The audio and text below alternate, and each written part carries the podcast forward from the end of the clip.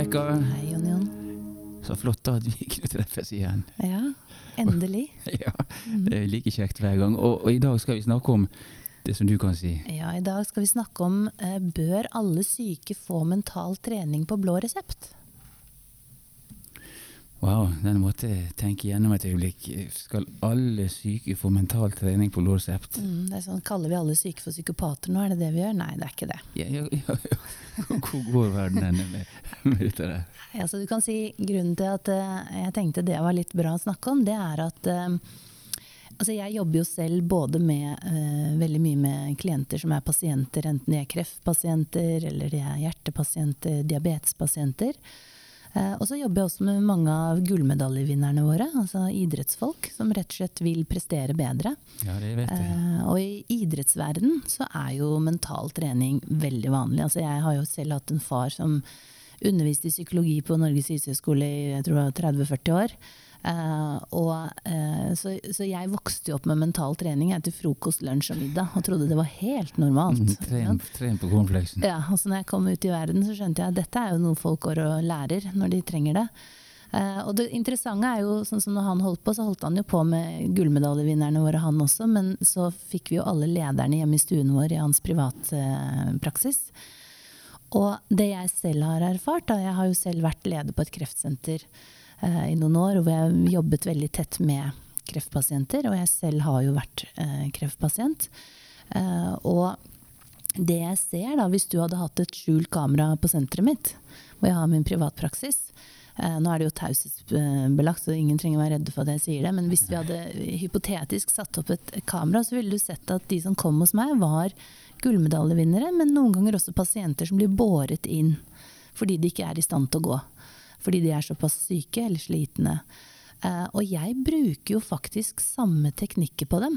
Uh, bare forskjellen på, uh, på, idrettsutøveren er at han ikke vil komme på femteplass, men først komme på pallplass og så på gullplass. Mens pasienten kanskje har lyst til å klare å gå på do alene hvis du har en ME-pasient, eller kanskje kreftpasienten som skal få lov å komme hjem til kommunen sin og ikke bare være på Radiumhospitalet under behandling. Så du kan si, jeg pleier å si vi kan ha ganske forskjellige gullmedaljer, men teknikkene, altså verktøyene, hvordan vi kan skru på ting i hjernen, skru på ting i genene våre, eh, hjelpe nervesystemet vårt, hjelpe hormonsystemet vårt, det funker på alle. Eh, jeg bruker det jo til og med på barn og unge sant, som har eksamensskrekk.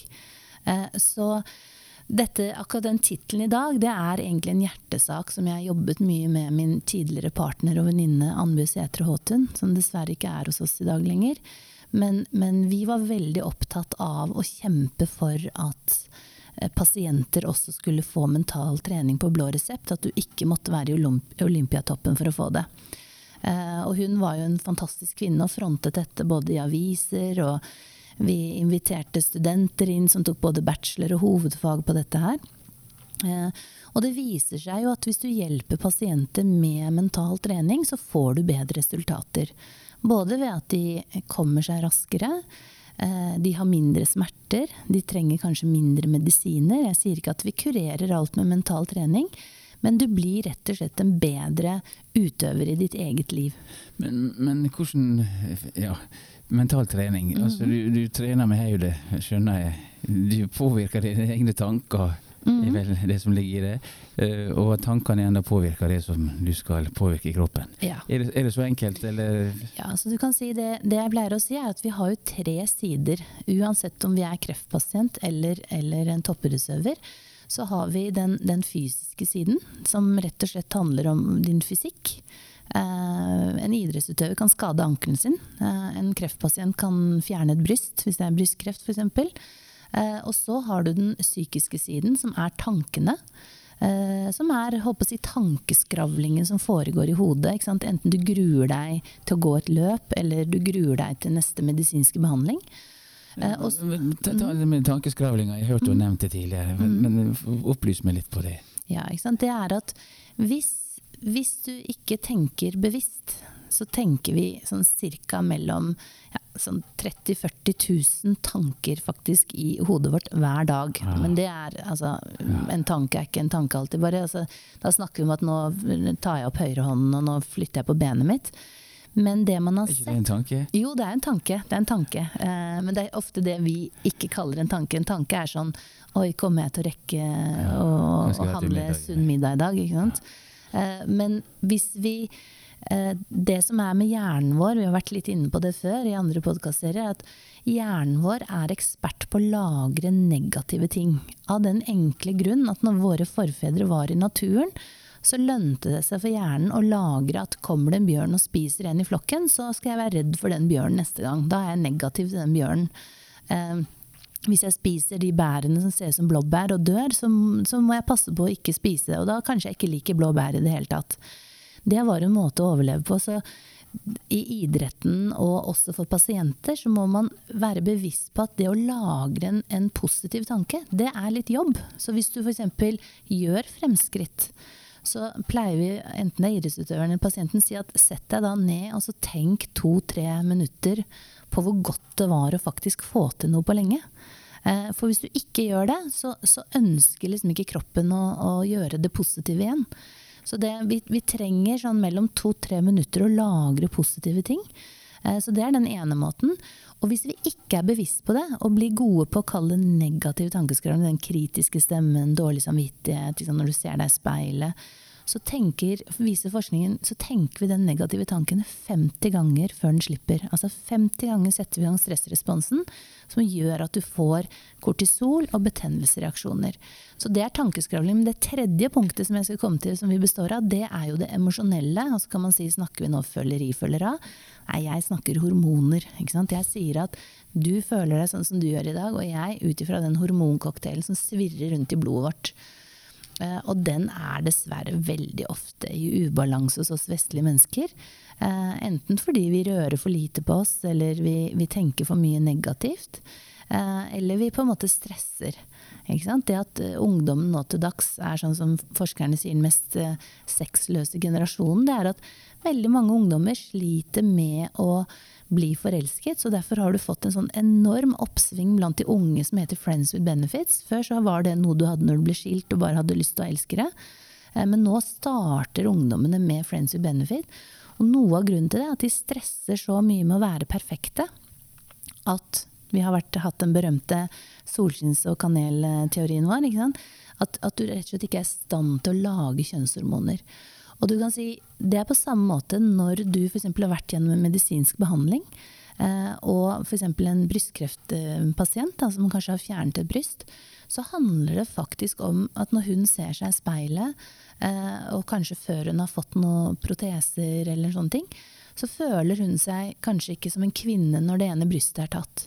Og så kan man si ja, hun skal jo være glad for å overleve. Og det husker jeg selv når jeg på en måte bank i bordet har eh, ikke hatt tilbakefall på 28 år.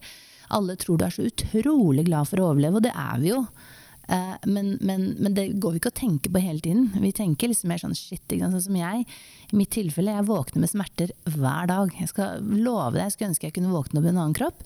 Men så vet jeg mine mentale teknikker som jeg gjør. Sånn, altså, først må jeg krype ut av sengen. Hadde du sett meg om morgenen, så hadde du tenkt herregud, hvordan går det an? Eh, men så kommer jeg meg opp, og så tar det liksom noen minutter, og så er jeg oppe og går. Eh, og det er det samme som, som, som eh, en, en kreftpasient. At hvis vi på en måte ikke driver med mental trening, så er det veldig lett å se seg i speil og si ok, det brystet er borte, kanskje ikke mannen uh, syns jeg er attraktiv. Eh, kanskje man har fått en helt annen kropp etter behandling. Veldig mange kreftpasienter går veldig ned i vekt.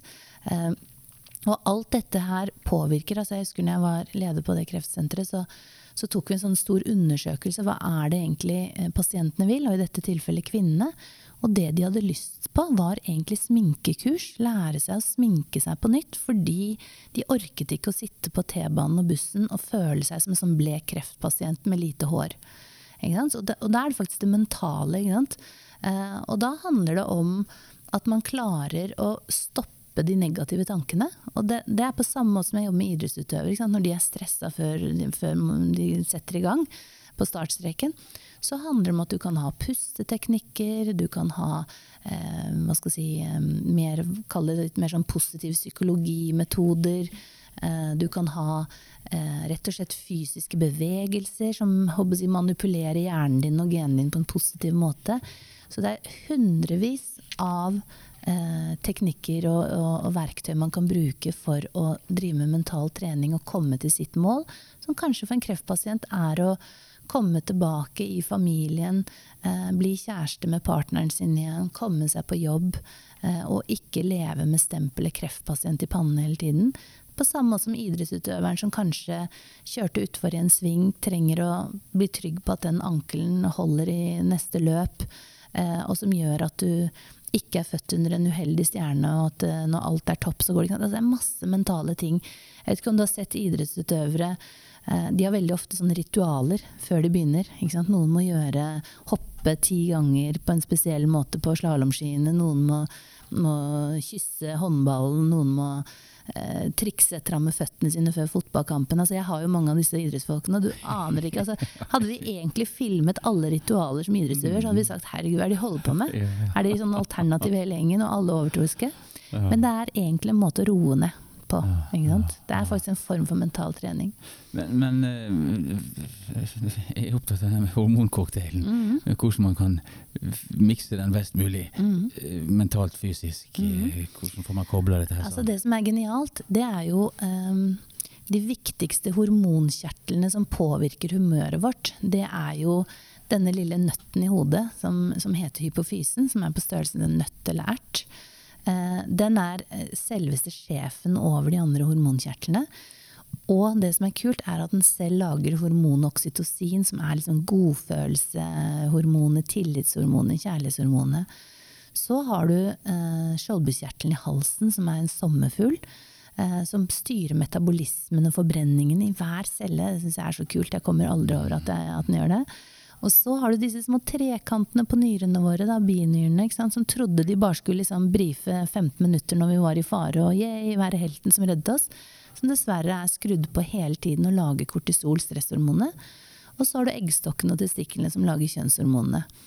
Og du kan si, hos det vanlige mennesket så er de ganske ødelagt. De er enten litt stive, de er liksom låst. Altså, så de, de, de, er så stramme at de rett og slett ikke klarer å produsere og følge med på det samspillet disse hormonkjertlene skal ha. Uh, og i tillegg så har vi hormonkjertler som, som, som bukspyttkjertelen, som er jo kjempeviktig i forhold til insulin og diabetes. Uh, så du kan si kroppen vår kan egentlig reparere seg selv utrolig. Eh, men hvis vi på en måte kommer i en ubalanse, så går alt litt gærent.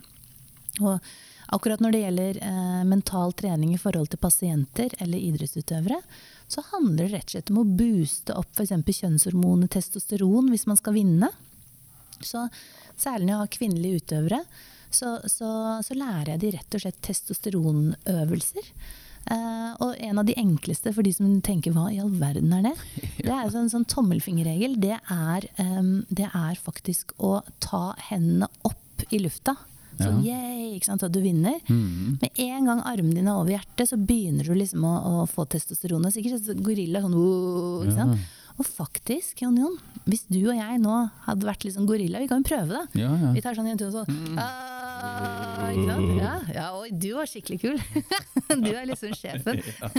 det er at, eh, det er at eh, nå, når vi gjorde det, hvis vi hadde gjort det nå, la oss si et minutt, da, så booster vi faktisk testosteron. Så kan du si ja, men du er kvinne, Rebekka, du skal ikke ha testosteron. Jo, jeg skal ha masse testosteron.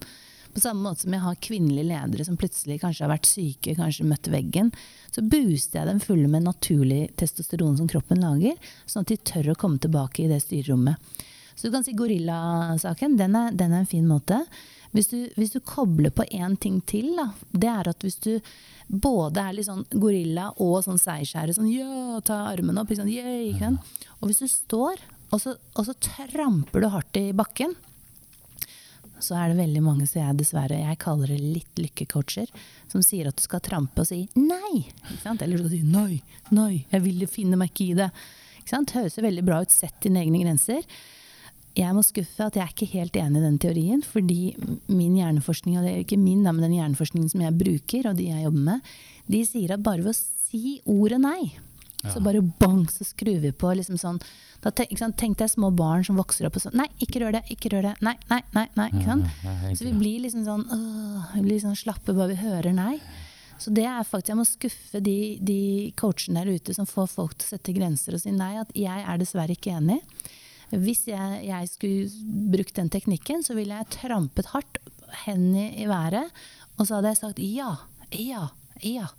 Og man, faktisk mental trening, f.eks. For, en kreftpasient, handler om når de kommer hjem fra sykehuset, fjerne alle bilder, alt som minner om noe negativt. Hvis du ikke liker svigermor, fjern bildet av svigermor når du skal komme deg. Det er mental trening å rense opp i hjemmet og rydde vekk alt det som får deg til å tenke på triste ting. Og sett frem fotoalbum når du ser deg selv om sommeren og du er bra. ikke sant? Og, og, og, sett på den musikken du liker, og kjøp den planten du liker, om den er inn eller ikke. Og ha koseputer og pledd med blomster hvis du vil det, selv om interiørene sier at alt skal være i kaffefarger.